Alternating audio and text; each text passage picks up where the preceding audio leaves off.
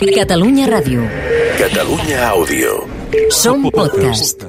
Els àudios originals de Joan Pujol, àlies Garbo, que escoltareu en aquest podcast, són inèdits. Hablando, hablando, probando, un, dos, tres, un, dos, tres, un, dos, tres, probando, probando, probando. Tornem al principi de tota aquesta història. Concretament a l'abril de 1942, quan en Joan acabava d'arribar a Anglaterra amb l'àlies de James Bovril. L'endemà d'arribar amb hidroavió a la terminal Mountbatten de Plymouth, el nostre home va agafar un tren a primera hora acompanyat d'un agent de paisà fins a l'estació de Paddington de Londres, Mr. Bushel, welcome. This way, please. on, entre altres, l'esperaven en Desmond Bristow, cap de la secció ibèrica de l'MI6 i un dels responsables de la secció de dobles agents de l'MI5, en Cyril Mills. Immediatament varen agafar un cotxe per dur-lo a una casa franca de l'MI5 al número 35 de Crespigny Road, al barri de Hendon, a una mitja hora en metro del centre de Londres. Teníem pressa, molta pressa. En Joan estava molt neguitós. I nosaltres també. my hard lot announce the greatest military disaster in our long. This is the invasion of Hitler's Europe. The Civil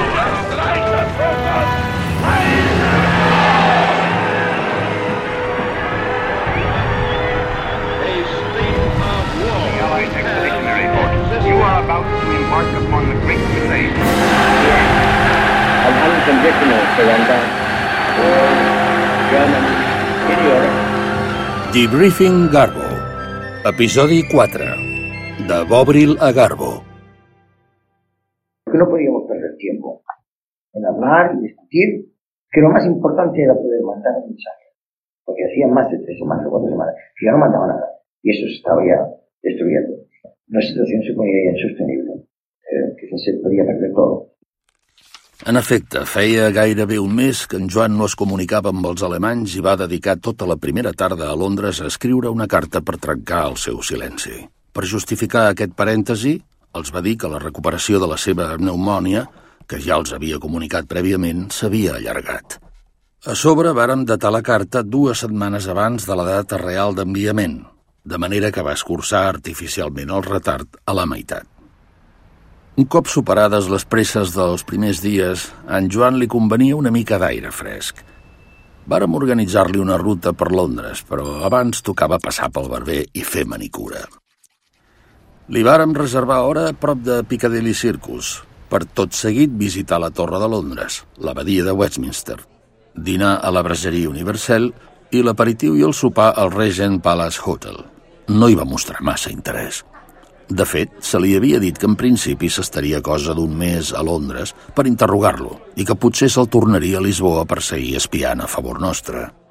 Visitar Westminster va ser l'única cosa que li va interessar, per poder anar a missa i pregar, per agrair la seva arribada sense incidents i poder-se confessar. Li varen procurar hora amb mossèn Moriarty, que parlava espanyol. Ave Maria Puríssima. Sens pecat fou concebuda, que el Senyor sigui en el teu cor, perquè penedit confessis els teus pecats. Pare, jo sento que he abandonat la família i que potser no estic sabent prioritzar que la meva dona... I jo t'absolc dels teus pecats en el nom del Pare, i del Fill, i de l'Esperit Sant. Vés-te'n en pau. Si jo li dic que un tècnic avícola de metre 60, que no parla anglès i que quan va passar d'un bàndol a l'altre a la Guerra Civil Espanyola se'n va anar al mateix bàndol del que volia desertar, seria el paio que enganyaria Hitler provocant el gir definitiu a la Segona Guerra Mundial, què em diria? Nano, para ja amb els whiskies. Increïble, és clar. Sí, sí, jo ja ho entenc, però és que de ganes de fotre el Führer no n'hi faltaven pas. 100% humano. Un hombre que detesta todo lo que es fuerza, autoridad, privación de derechos.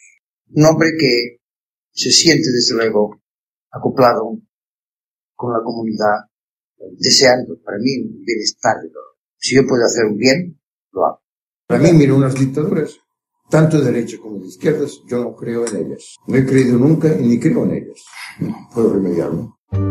Amb un home com ell que deia que en Hitler era un psicòpata envoltat de sicaris, que no suportava que els nazis parlessin de raça ària, d'éssers superiors, era fàcil entendre-s'hi. A sobre li semblava abominable la dinàmica malèvola, tant del nacionalsocialisme alemany com del comunisme soviètic, per haver prostituït el concepte de socialisme d'aquella manera. Però per carregar-se Hitler i els seus sicaris, en Joan preferia la ploma a l'espasa, el poder de la paraula al poder de les bombes, i per tots els reis i reines d'Anglaterra que tenia raó. Si feia gala de no haver hagut de disparar ni un sol tret durant la Guerra Civil Espanyola, ara no seria menys.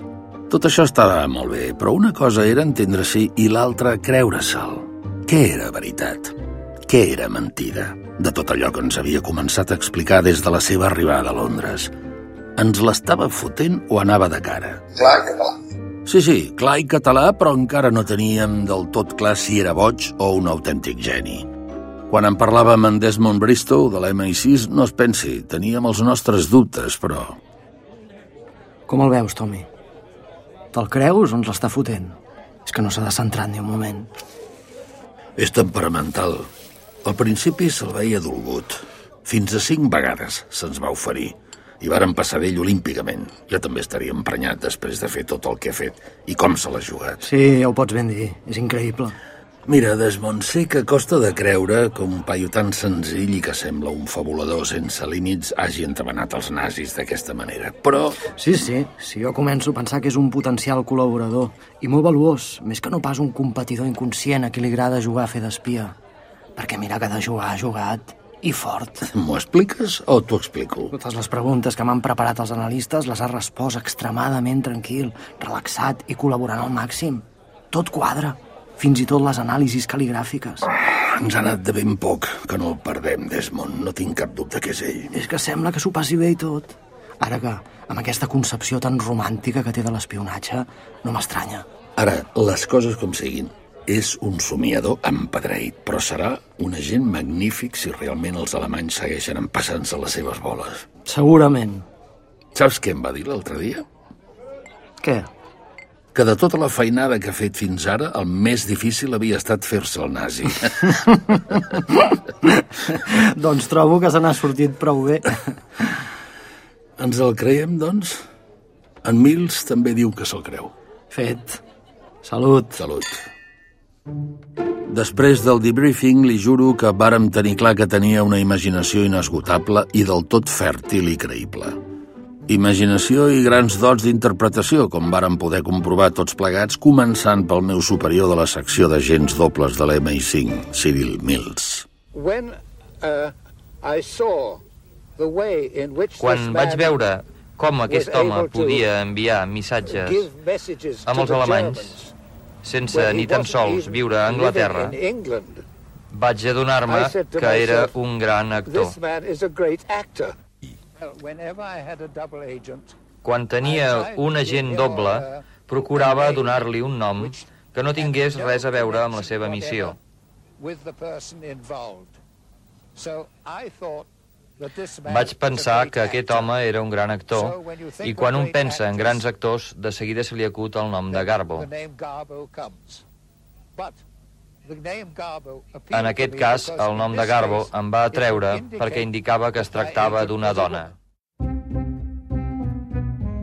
Potser l'ull clínic d'en Mills per detectar les capacitats actorals tenia a veure amb el fet que ell era un empresari del món del circ. Ell va ser el primer oficial assignat al cas Bobril, el nom en clau que li havien posat en Joan abans d'arribar a Anglaterra i convertir-se en Garbo. Però poc després se'm va ordenar que me'n fes càrrec jo mateix dins del servei de contraespionatge britànic de l'MI5. Per això i perquè jo parlava perfectament l'espanyol i ell d'anglès no en sabia un borrall, recorda? El debriefing, l'interrogatori, va començar dos dies després de l'arribada d'en Joan a Plymouth. En Bristow, en Mills i jo mateix, que feia de traductor, vàrem contrastar tot el que ens anava explicant amb els missatges interceptats dels alemanys que havíem desxifrat nosaltres des de Bletchley Park. I també vàrem fer un peritatge cal·ligràfic per corroborar que ell era l'Alaric de la xarxa Arabel, és a dir, el V-Man 319. Mr. Pujol, when you were in Lisbon, I assume you were writing... Senyor Pujol, el meu company pregunta si quan era a Lisboa... Oh my God, So I understand that you wrote the letters with secret ink. En Joan fluïa perfectament en les seves respostes, però és clar, com per no fluir amb els ous amb bacon de Miss Titov, els endrapava que feia por. I parlant d'ous, tot i que encara no n'érem conscients, aviat va quedar clar que en Garbo es convertiria en la nostra particular gallina dels ous d'or. D'allò que se'n diu agents espontanis, que es presenten voluntàriament per ideals, ja n'hi havia, però eren l'excepció, la veritat. La majoria eren, diguem-ne, convidats a col·laborar. No va ser el cas d'en Joan, una rara avis, una d'aquestes excepcions. De fet, el procediment habitual per captar dobles agents passava per detectar agents estrangers quan passaven, posem per cas, pel Royal Victoria Patriotic Building. No, no s'enganyi, sona glamurós, però per molt que l'anomenéssim eufemísticament London Reception Center, per entrevistar els immigrants, no deixava de ser un centre encobert de l'MI5 que també ens servia per detectar, com li deia, sospitosos d'espionatge.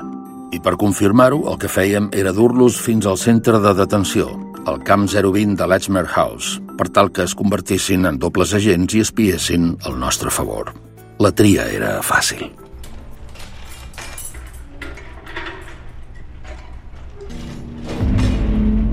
Volies col·laborar per salvar la pell? Sí? Benvingut a Anglaterra.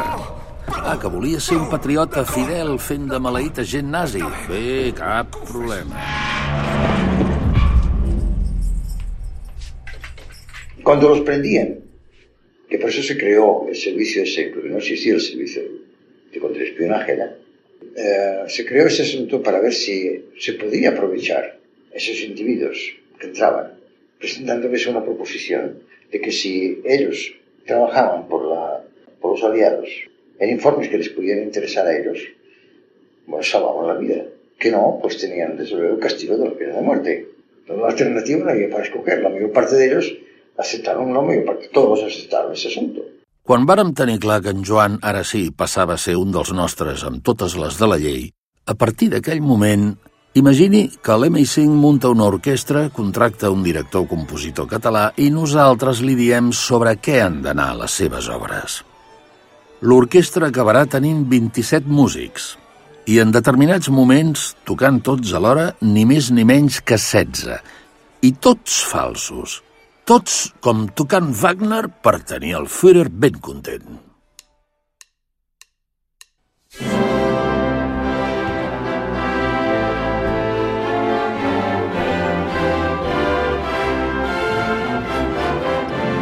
Tots falsos, però tots amb la seva biografia. Nom i cognoms, edat, procedència, domicili, feina, ideologia, nivell socioeconòmic, data de reclutament mentre el nostre personal voltava per tot el país per recollir fins al mínim detall dels llocs per on passaven aquests agents falsos per tal de garantir la màxima credibilitat. En Joan ja en portava tres de Lisboa, recorda? El pilot de la KLM, el mariner de Liverpool i el viatjant de Newport. Però abans d'arribar a crear progressivament aquests 27 fantasmes, les cartes d'algun dels quals les fèiem escriure a personal divers de l'MI5 per tenir estils i llengües diferents, varen prendre moltes precaucions. Que haguéssim fitxat en Joan i per molt segurs que estiguéssim que era realment qui deia ser i creure en la seva lleialtat i intencions no vol dir que no el vigiléssim. El seu correu de casa era censurat, el telèfon intervingut, no podia fer servir la tinta secreta sense la presència d'algú de l'MI5 i les primeres setmanes duia un dels nostres funcionaris enganxat al clatell les 24 hores del dia. Fer tornar en Garbo a Lisboa no tenia cap mena de sentit, tot i que no tothom ho tenia igual de clar. Per a la seva seguretat i per la seva família, i també per garantir l'èxit de les seves operacions, era a Londres on havia d'estar. Què coi havia de fer a Lisboa, ara? ocult sine dia, ell i la seva família fent veure que era a Londres. Em va dir, Tommy, si torno a Lisboa i els nazis em descobreixen, en faran trossets de mi. I ja ho podia ben dir. Jo encara diria més. Agafarien els trossets d'en Joan i els anirien retallant d'un en un. En fi, quan feia un mes que havia arribat, vàrem acordar amb en Joan que la seva dona i el seu fill Juan vinguessin a instal·lar-se a la casa de Hendon. Juanito, cariño. Ah, L'Araceli va venir embarassada del seu segon fill, Jorge, que naixeria al setembre d'aquell 1942. De cara als veïns i tothom que no fos del servei secret, en Joan era un traductor que treballava per a la BBC.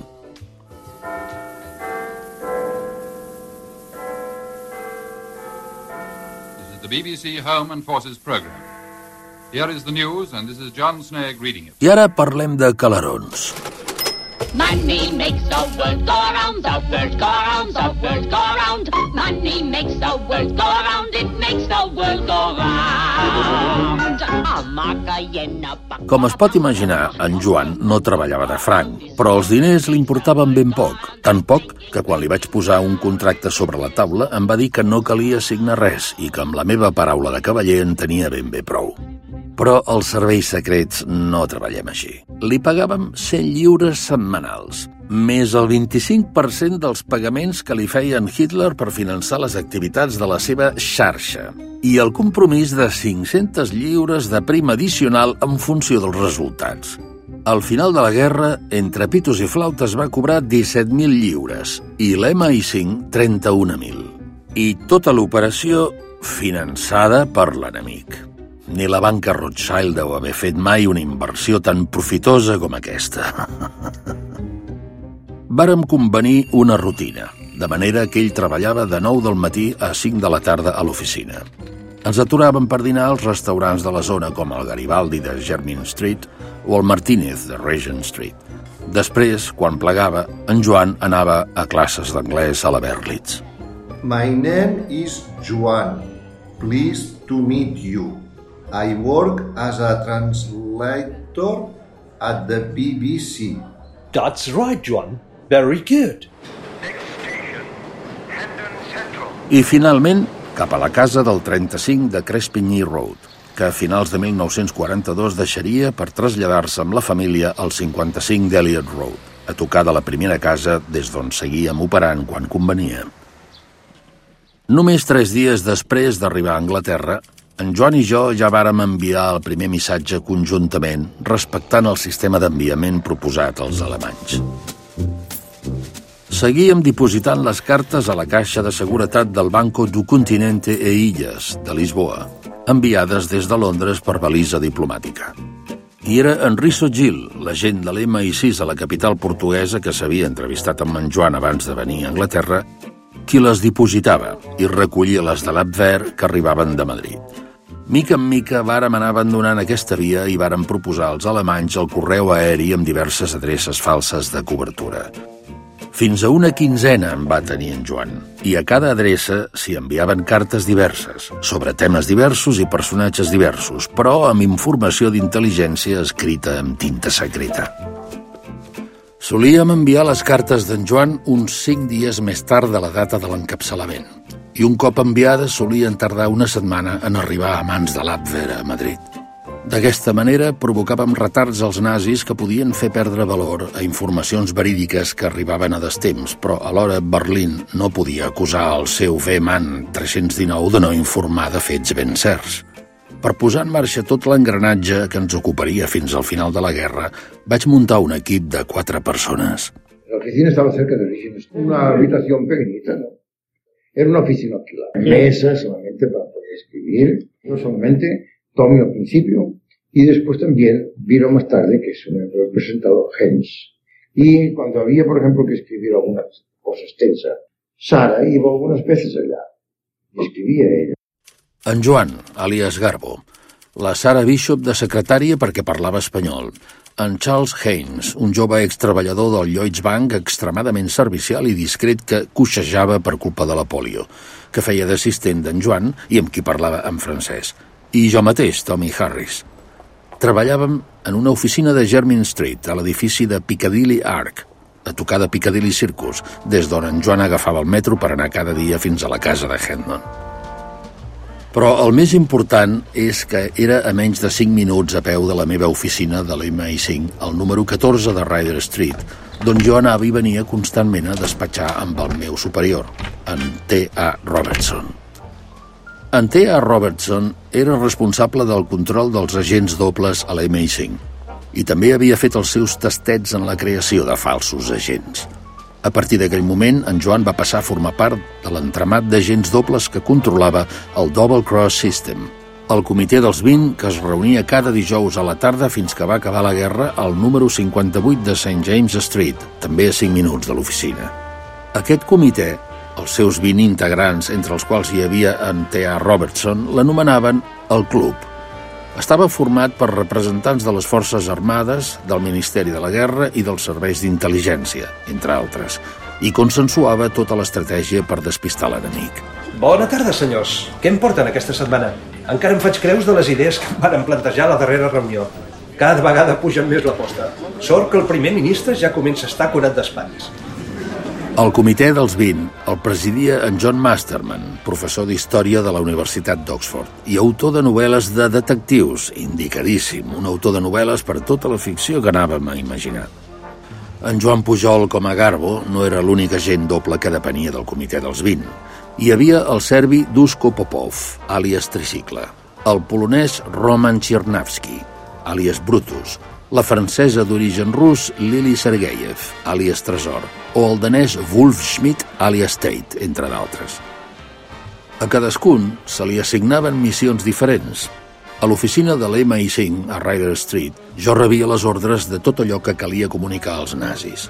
Tot seguit me n'anava a la de Germin Street, on amb en Joan ens posàvem a barrinar la manera d'accelerar allò que el primer ministre Winston Churchill em va dir al Parlament de Westminster. Ah, this is not the end. Uh, it is not even the beginning of the end.